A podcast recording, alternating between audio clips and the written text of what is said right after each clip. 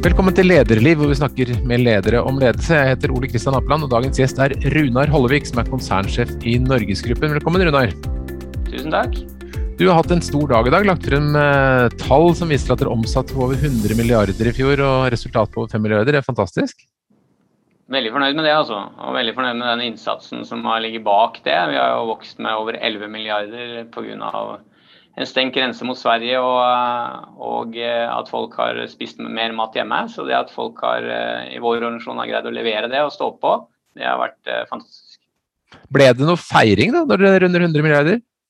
Det er jo veldig annerledes år og et krevende år. Eh, og absolutt ydmykt at det er mange som har hatt det mye verre enn oss. Så, så, det viktigste å feire for oss har egentlig vært at vi har eh, holdt oss til det som ble prioriteringen i mars, når landet stengte ned. Da fikk vi et eh, samfunnsoppdrag, og det var å holde matvareforsyningen oppe i en krise. Og så var det å holde arbeidsplassen i verdikjeden og det å gå og handle i butikk skulle være trygt. Mm. Eh, så det er det jeg er mest stolt av på, de, på det året vi legger bak oss nå, at vi har fått til nettopp det. da. Vi må snakke mer om det, men først må vi snakke litt om, om Norgesgruppen og litt om deg. For det er jo ikke alle som kjenner hele Norgesgruppen. Dere er veldig store, øh, over 100 milliarder. Men altså 1850 matbutikker, stemmer det? Det er sånn cirka riktig, det. Ja, og det er både Kiwi og Meny og Spar og Joker, og så har dere litt uh, Mix og Dille de Luca. Og så har dere en fantastisk uh, grossistvirksomhet som heter Asko, som du har ledet tidligere. Ja, det er riktig, det. Og der har du vært da, du, nå, nå, er det snart fem år siden du ble konsernsjef. men så har du vært i Asko siden 2000. så Var det, noe, var det det du drømte om da du var liten? At du skulle bli en dagligvaremann? Ja, Det er vel en kombinasjon av uh, tilfeldigheter og, og, interesser. Men uh, det starta lenge før det. Jeg begynte jo i en av våre supermarkeder som var forgjengeren til Meny, Oluf Lorentzen, jeg var 15 år. Så der hadde jeg fem fantastiske år i ferskvaredisken der på et glimrende supermarked i Oslo. Og opplevde vel på en måte det at uh, hvis du sto på hardt og, og, ville noe, så fikk du fort veldig stort ansvar på det laget som vi var i den butikken.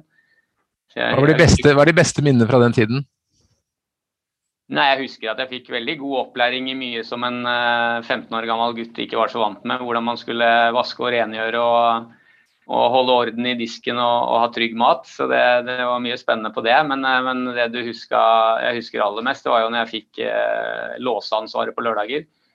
Eh, det å stenge en butikk eh, som omsatte for masse penger og hadde store verdier, og, og som 16-17-åring være den som skulle sikre at den ble låst for helga, det, det var et stort ansvar. Når var første gang du fikk lederansvar? Ja, første gang jeg fikk eh, lederansvar var vel egentlig sånn eh, når jeg begynte i Norgesgruppen. Eh, jeg begynte jo rundt 2000-tallet og leda jo da en gruppe på kategori innkjøp som hadde ansvar for å bygge opp forhandlingsmetodikken vår. Og forhandle gode priser, også utvikle kategorier og sortiment, og, og ikke minst få på plass NG-flyt, som for oss er et nav i å få vareflyten til å fungere. Det må du si litt mer hva er? Ja, Det er eh, automatisk varesupplering av butikkene som bruker de dataene når vi handler hver dag. Eh, sånn at ikke butikkene trenger å bruke masse tid på å bestille selv. Så har vi noen som sitter og bruker systemet til å fylle på butikkene og snakke med leverandørene også elektronisk. Sånn at vi får fulle hyller hver dag. Mm.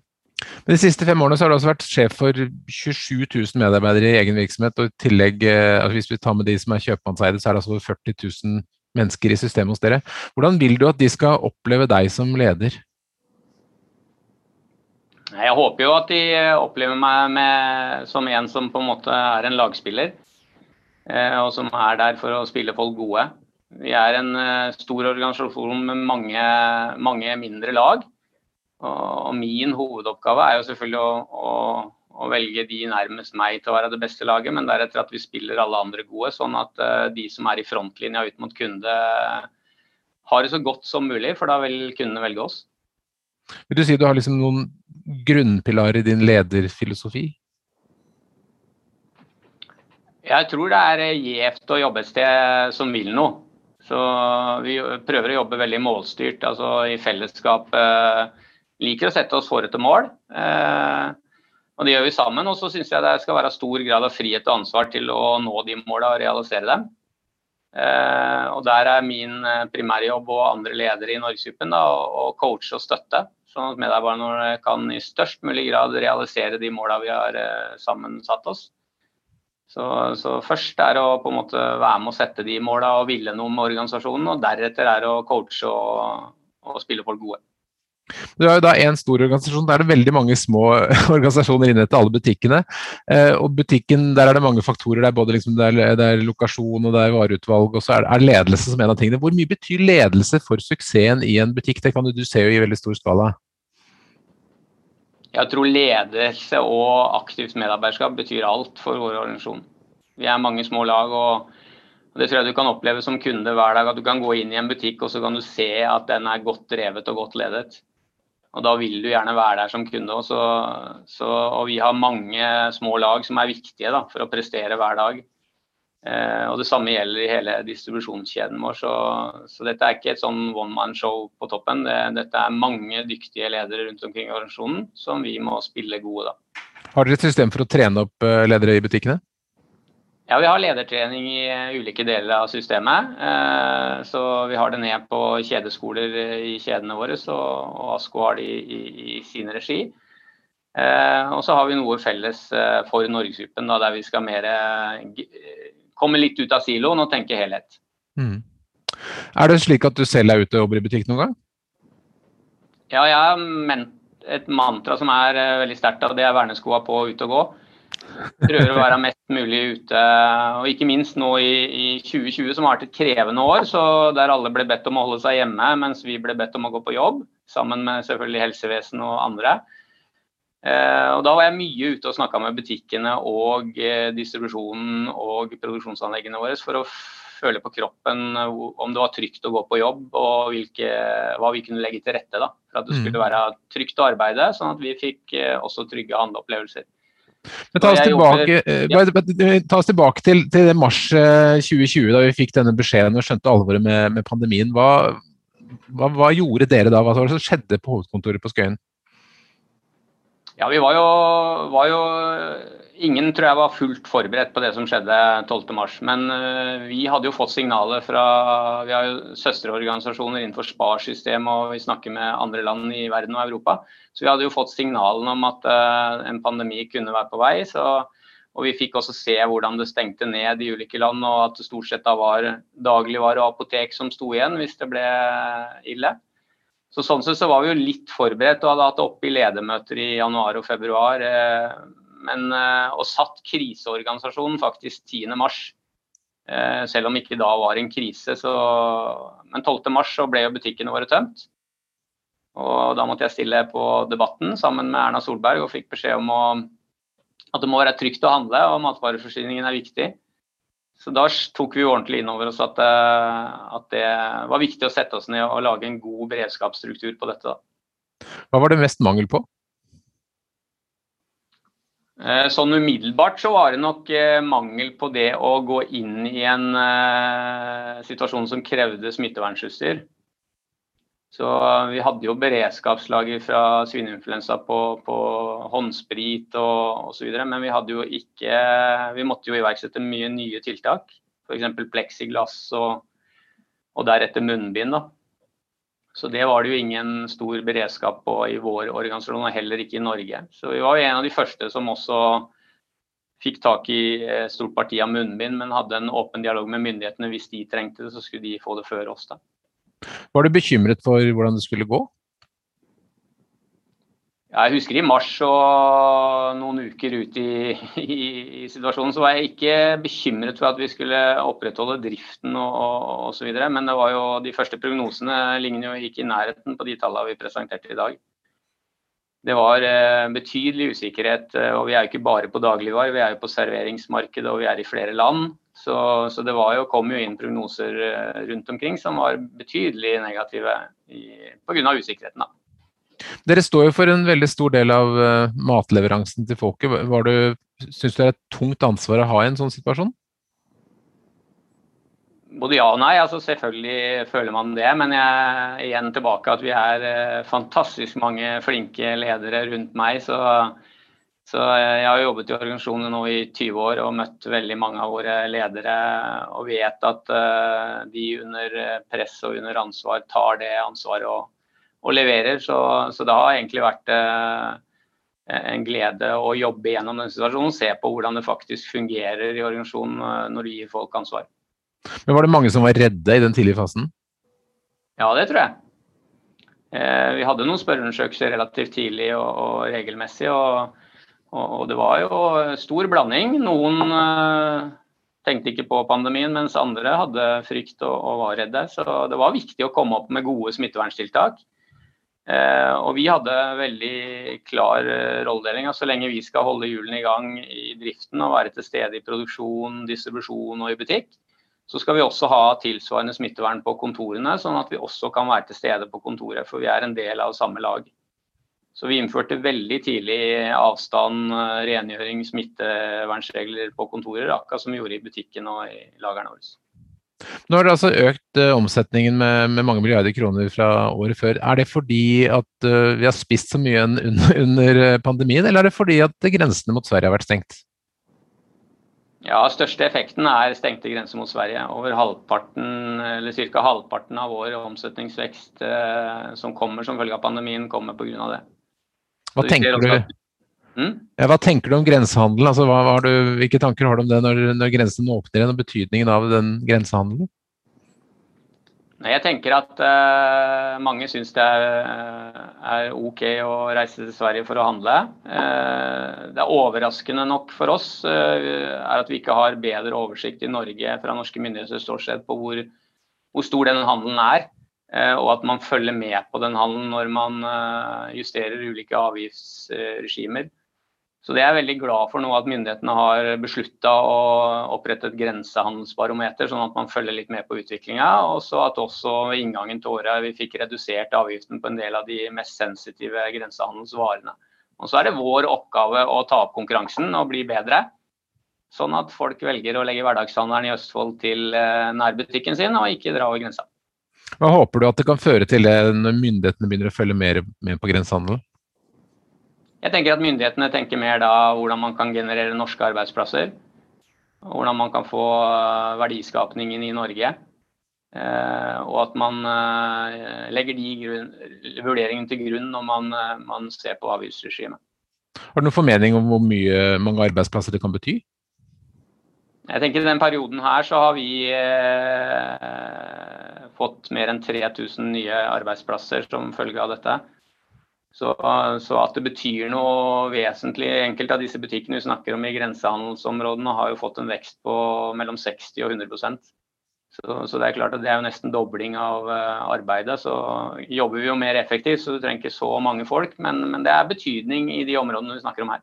Mm. Er det noen spesielle hendelser, uh, ting som folk har gjort i organisasjonen som har gjort spesielt inntrykk på deg, som du kommer til å huske fra pandemiåret 2020? Jeg tenker først og fremst på den stoltheten, og det gjelder ikke bare de som jobber i dagligvarehandelen, men jeg tror mange av de som gjør oppgaver som vi egentlig tar for gitt, da, har fått eh, en eh, økt anerkjennelse i dette året. Enten du jobber i helsevesenet, eller du jobber med rengjøring, eller du jobber i dagligvarebutikk. Da. Så, så, det å se at eh, folk i vår organisasjon er stolt av, enda mer stolt av å gå på jobben, Eh, og at de får anerkjenne nikk, det, det, varmer jo. Det er en boost vi ønsker å ta med oss videre inn, for det, det er en viktig jobb de gjør hver dag. Ja, for Det har vært, i en periode vært litt sånn negativt eh, snakk om statusen til folk som sitter i kassa i butikken og bare sitter i kassa på Meny eller kassa på Rema eller hva som helst. Føler du at eh, statusen til dagligvarehandelen på en måte har økt gjennom det året? Ja, det tror jeg. Absolutt. Jeg hører det. Veldig mange som sier det. Og, og så tenker jeg at det, det kribler litt i, mine hender av og til når jeg ser hvordan, hvilket ansvar man kan ha som butikksjef hos oss. da. Eh, der man har et lag på, på 10-15-20 mennesker, og, og, hvilken glede de kan ha å få det til sammen. Eh, og også hvilke verdier de kan skape. Så, og veldig mange av de er jo, er jo ikke ansatt nødvendigvis pga. at de har lang utdanning i karakterer, men pga. at de har karakter og har vilje til å stå på. Sånn som jeg begynte i en ferskvaredisk i Oluf Lorentzen. Så, så, det trigger også meg, det som sitter litt for mye på kontoret innimellom. Kan man fortsatt gjøre en karriere i dagligvare uten å ha noe særlig skolegang? Absolutt. Det er eh, bra med begge deler. Så karakter er aller viktigst. At eh, du vil noe og at du vil stå på. Mm. Har du lært noe nytt om ledelse gjennom dette siste året? Ja, Det er vel fastslått hvor viktig det er å ha eh, en desentral organisasjon med selvstendig ansvar og, og, ledelse helt ut i feltet, for å si det sånn. Da. Og at vi som jobber i, på, i støtteapparatet, da, eh, vår jobb er primært å spille de gode. Og Har du den førstelinja med ledelse på plass, så, så, er det den som også står seg i en krise. Det er de som på en måte roer litt ned temperaturen og, og prøver å drive litt mer normalt, selv om du står midt i en storm. da. Så mm. det, det, det har vi lært at det er viktig å fortsette for oss å spille på alle de gode lederne vi har rundt omkring i organisasjonen, enten de er butikkledere eller de ledere på lagrene våre eller i produksjonen. Nå har du fått mye positiv oppmerksomhet siste år, men sånn generelt så er det jo vært en del kritikk, og er en del kritikk mot dere og de andre dagligvarekjedene, at det er så store og har så mye makt og gjør eh, varene dyre osv. Men når jeg ser liksom fem milliarder på bunnlinja etter å ha solgt for over 100, så er det, jo ikke noe sånn megaprofitt. Blir du litt lei av den stadige kritikken mot eh, kjedene? Jeg tenker eh, i utgangspunktet at det å jobbe med noe som engasjerer alle, det er jo, er jo hovedgrunnen til at jeg jobber her. Så det, og det tror jeg gjelder mange av oss som jobber i bransjen. Altså, mat har jo alle et forhold til. Det betyr noe for, for oss eh, alle sammen. Og, og, det er veldig mange som har sin arbeidsplass innenfor verdikjeden for mat. Og Da er det også viktig at det er et godt debattnivå eh, om vår bransje og hva som kan bli enda bedre. Eh, så jeg ser bare positivt på at det er engasjement. Og så er det selvfølgelig at når du er stort selskap, så hviler det et ekstra ansvar på oss og, og, og følge alle spilleregler og, og, være best på alt. Og så må vi tåle noen ganger at, eh, at noen sier at eh, her kunne dere gjort ting bedre, og så får vi lære av det. Men burde dere være flinkere til å slippe flere små produsenter f.eks. frem i hyllene? Ja, det er en av områdene vi har blitt flinkere på de siste åra, som kanskje forsterka seg ytterligere gjennom pandemien. Da var det jo mange av matskattleverandørene i Meny som som leverte også til serveringsmarkedet, og som, eh, og som, begynte å miste halvparten av sin omsetning. og da At Meny satte seg ned sammen med de 400-500 leverandører og sa at nå skal vi tråkke til, kjøre en eh, priskampanje og, og det vi omsetter skal vi gi tilbake til dere. Det har jo virkelig styrka både Meny som kjede, utvalgskjede, vi selger nå for over 1,4 milliarder i lokalmat i Meny, så det er en betydelig del av deres omsetning. Og vi har fått masse ambassadører på vårt lag av disse maskatleverandørene, og det tror jeg styrker begge. Mm. Dere har jo løftet eh, bærekraft veldig høyt i Norgesgruppen. Dere har sagt dere skal være klimanøytrale i 2030. Hvorfor satser dere så mye på det?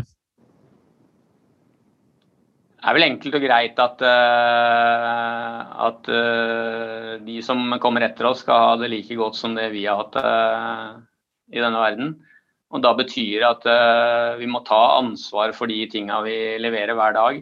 Sørge for at vårt fotavtrykk er lavest mulig. Og at vi legger til rette for at også vi som driver med mat, da, kan gjøre at folk får en bedre folkehelse og både lever litt lenger og, og, og, og litt bedre.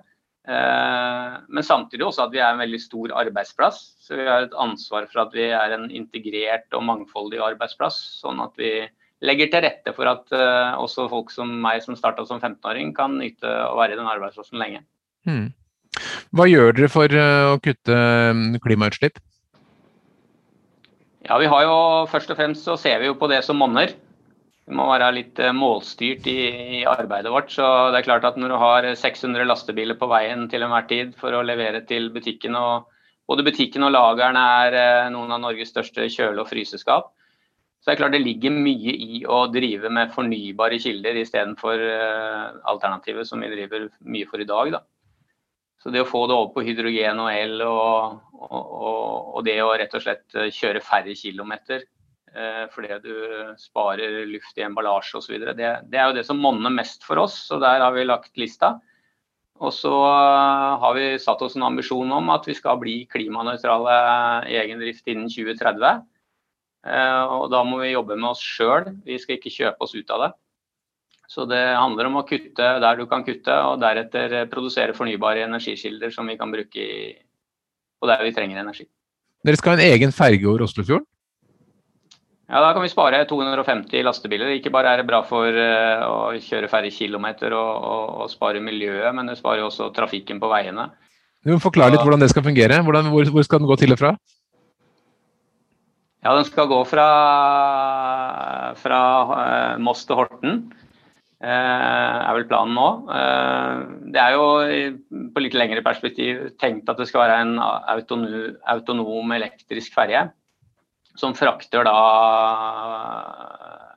frakter da cargolast da, eh, over fjorden. Og, og, vi har jo i dag, pga. vi har stor, mange butikker og mange kunder og, og, og lager i, på Østlandet, så, så, kjører vi jo 250 vogntog per døgn rundt i den strekningen, som nå kan heller fraktes over fjorden.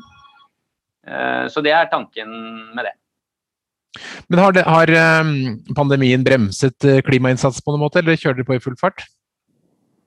Nei, vi investerte vel for 3,6 milliarder i fjor, og det var bare eh, litt under det vi hadde tenkt å gjøre. Så vi, vi har greid å opprettholde de investeringene og, og kjøre på. Eh, noe, Vi har bygd noen store anlegg. Både Asko Oslofjord i Sande, som er et nytt anlegg som skal hjelpe oss her på Østlandet. Og et nytt kaffebrenneri. Eh, på Vestby. De har vært de store anleggene våre i år. og, og Kaffebrenner er oppe og står eh, og fungerer i produksjon. og Vi produserte siste kaffen på Filipstad nå i forrige uke. Mens Asko Oslofjord eh, blir noe forsinket nå, fordi det er vanskelig å få arbeidskraft inn når vi bruker automatisert teknologi der leverandørene kommer fra utlandet. Mm. Men ikke mye forsinket, så, så vi har kjørt trøkket. Og så har vi kjørt trøkket veldig bra på at vi har rulla ut fiber i butikken og betalingsterminaler osv. Så, videre. så det er mange som har nytt godt at vi har holdt hjula i gang, for det er mange av de som er avhengig av den arbeidsplassen. Og mye solceller er lagt merke til? Ja, det er primært at vi har dekka lagrene våre på grossistsida eller distribusjonssida med det. Noen butikk, men det er nok først og fremst alle lagrene på distribusjonssida der vi kan bruke all den energien selv. da.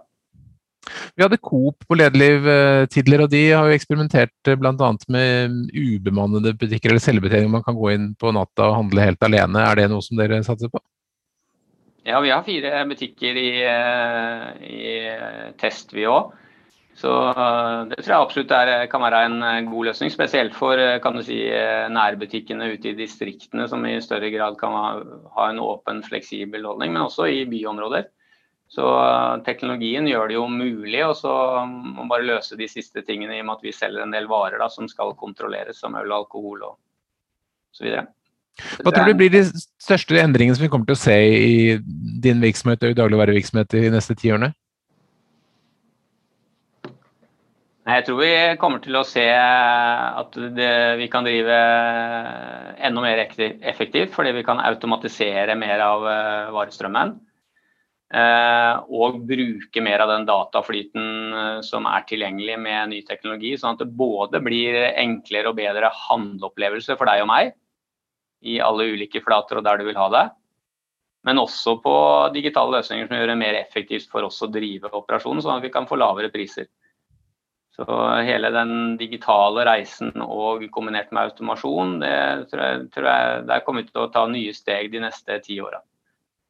Hva, merke, hva, med merkevaresiden? Kommer vi til å se uh, mer enn Norgesgruppen-merkevare, eller skal du fortsette å være, ha eksterne produsenter? Nei, vi har hovedsamarbeidsforhold med sterke merkevareleverandører i, eh, som vi jobber mot. Og så bruker vi egne merkevarer der vi ikke får et godt nok utbud da, fra, fra, partnerne våre. Men, men, hoveddelen av vår omsetning er det. Også vår egen merkevareleverandør må konkurrere med de. Så er den bedre, så når den gjennom i konkurransen. og Vårt mål er at sortimentet og prisene mot forbruker skal være best mulig. Og Da er det god konkurranse mellom både merkevareleverandør og vår egen merkevareleverandør. Eh, når du, går, når du går rundt i, i, butikker, så regner jeg med at ikke alle liksom, du er ikke så superkjent at alle som jobber i butikken kjenner deg igjen med en gang. Er det, hva, hva, er det du ser etter? Hvordan prøver du å oppføre deg? Er du en litt sånn mystisk kunde der ute? Nei, jeg, jeg, vanligvis når jeg går rundt omkring i butikker, så, så, så, eh, så er jeg der mest for å høre åssen det går med dem. Og hva vi Jeg jobber jo mye med støttekontoret, eller vi som jobber backoffice. Og, og, vi legger jo til rette for at de kan drive bedre ute i butikkene. Så jeg spør egentlig om det er ting de savner og, og om det er ting de trenger mer hjelp til og vi kunne gjort enklere. Og så, og så spør jeg selvfølgelig hvordan det er eh, å konkurrere i markedet. Hvordan vi kan bli enda bedre til å vinne den konkurransen. Du sniker deg ikke rundt og leker vanskelig kunde? Ja, Det hender jo at vi også ser at ting kan, gjort, kan, gjøres bedre, men da tar jeg det med de lederne som har ansvaret for den butikken. Mm. Hvis du kommer en ung person til deg Runar, og sier jeg har lyst til å bli leder, kanskje en som er i ferskvaredisken i dag har lyst til å bli en stor leder sånn som deg, hva er de tre viktigste rådene i livet for å være en god leder? Jeg tenker at du må være glad i mennesker og like å spille andre gode. Det er jo en grunnpilar, tror jeg. Å se at andre skinner er det som gjør deg stolt. da. Det tror jeg er en viktig sånn grunnpilar. Og så, og så må du på en måte tørre å jobbe litt hardt og ville noe. Eh, så Det tror jeg er eh, viktig å legge inn en innsats. Jeg tror alt er mulig hvis du bare gyver på. Så, så den viljen og den eh, å hoppe ute litt på dypt vann og sånn, det må man tørre innimellom. Eh, noen ganger vokser man på det, og noen ganger bruker man litt tid på å lære av det, men, eh, men det blir bare bra. Så flere og flere kunne bare hoppa ut i vannet. Og den eh, siste, tredje egenskapen er jo, er jo gleden av å få folk med. Altså være en del av et lag og forstå at det er laget som presterer og selskapet som betyr noe. Så det handler jo litt om det verdisynet vi leiter etter da, hos folk. Karakter er ofte viktigere enn karakterer. da. Så mm, litt tilbake til dette fantastiske året som du nettopp har rapportert på, da, med, med, godt resultat og vekst og overskudd. Hvordan tror du du kommer til å tenke på det året? Har det, har det, gitt, har det tilført Norgesgruppen noe bra, bortsett fra disse pengene? Har, vi, som, har du som organisasjon vokst noe i det året? Ja, det tror jeg absolutt. Absolutt vokst på det å håndtere en unntakstilstand. Og hvordan da organisasjonen fungerer og er rigga for det og, og lykkes med det. og at du da får gode tilbakemeldinger internt og, og økt stolthet, da, det, tror jeg, det, tror jeg, er viktig. Jeg tror Nå er jeg forberedt på at det kommer nye sånne runder. Det er vel uh, den største runden de fleste av vår generasjon har opplevd, tror jeg. Det har endra hele hverdagslivet for de fleste av oss. Så det å kunne stå støtt gjennom det, det bygger jo selvtillit. Og det, det, tror, jeg, det tror, jeg, vi kommer til å ta med oss, ta med oss videre. Kommer du til å ha litt mer smittevernutstyr på lager? Ja, jeg tror vi har lært litt på beredskap, eh, de fleste av oss. Selv om det er alltid vanskelig å planlegge for en situasjon som vi ikke har vært oppi. Vi hadde jo hatt noen mildere pandemier tidligere og hadde jo erfaring med å bruke noe av smittevernutstyret. Men, eh, men, eh, helt klart at, at, noe av den sikkerheten som ikke var der, og noe av den beredskapen som ikke var der, den vil vi ta med oss inn i, i, i lærdommen og ta med oss videre. Det var en fin avslutning. Igjen gratulerer med et fantastisk fint eh, årsresultat, og tusen takk for at du kom til Lederliv, Runar Holvik. Tusen takk skal du ha. Lederliv er en podkast fra kommunikasjonsbyrået Apeland. Vi legger ut nye episoder hver fredag. Redaksjonen består av Ellen Paulsen, Lars Jarle Melum, Lars Volden og meg, som heter Ole Kristian Apeland. Send e-post til tipsatlederliv.no, eller rett til meg på oleatapeland.no. Takk skal du ha.